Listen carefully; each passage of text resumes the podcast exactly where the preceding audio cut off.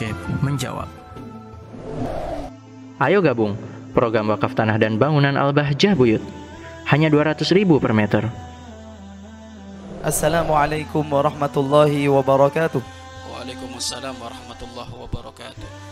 Abah izin bertanya, saya seorang anak laki-laki. Apakah saya ikut bertanggung jawab terhadap dosa yang dilakukan oleh saudara-saudara saya, sedangkan saya posisinya berjauhan dengan mereka? Dan bagaimana cara mengingatkan mereka karena saya hanyalah anak bungsu Abah? Mohon pencerahannya dari Abah. Syukran wassalamualaikum warahmatullahi wabarakatuh. Saudara melakukan salah ya. Baik. Di saat kita menemukan ada saudara kita melakukan salah karena faktor pekerjaan sehingga jaraknya adalah jauh. Apa yang harus kita lakukan? Ingatkan semampunya. Kalau mampunya engkau mengingatkan dengan cara nelpon, maka nelpon dia. Sempatkan dua hari sekali, minimal satu minggu sekali, satu bulan sekali untuk memberikan nasihat. Sudah Pak Ustadz gak didengar, gak apa-apa, sampai nanti didengar. Ku angfusakum wa ahlikum nar.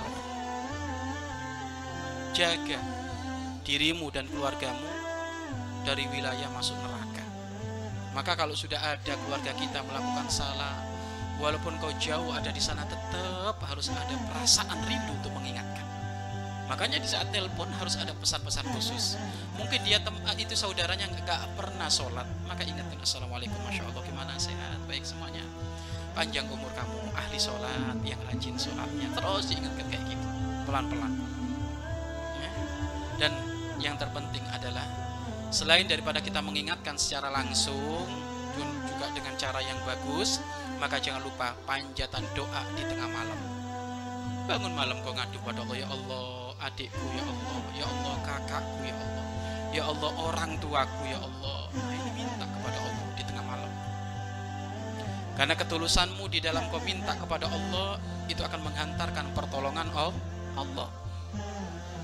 Jika engkau tulus di dalam meminta untuk keluargamu, saudaramu, agar supaya kembali menjadi ahli sholat, kembali menjadi ahli sholat, maka hendaknya engkau meminta kepada Allah dengan ketul- ketulusan hati, maka Allah nanti akan memberikan hidayah.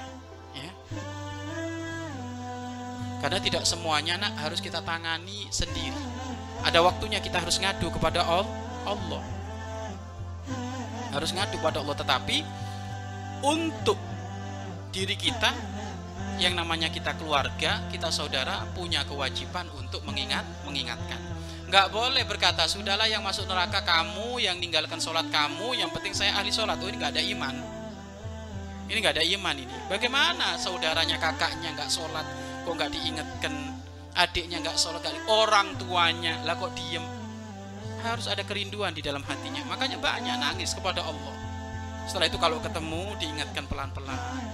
Aba Umi, Masya Allah semakin soleh, soleha, rajin sholat, semangat ibadah, diingatkan seperti itu. Ya, sampai nanti Allah memberi pitun, pitunjuk. Dan insya Allah Allah memberi petunjuk sesuai dari kadar ketulusan ki- kita. Kalau kita tulus benar, maka Allah segera akan memberikan petunjuk kepada keluarga kita yang jauh dari Allah Subhanahu wa taala. Wallahu a'lam bishawab. Mari berinfak untuk operasional lembaga pengembangan dakwah Al-Bahjah Buyut.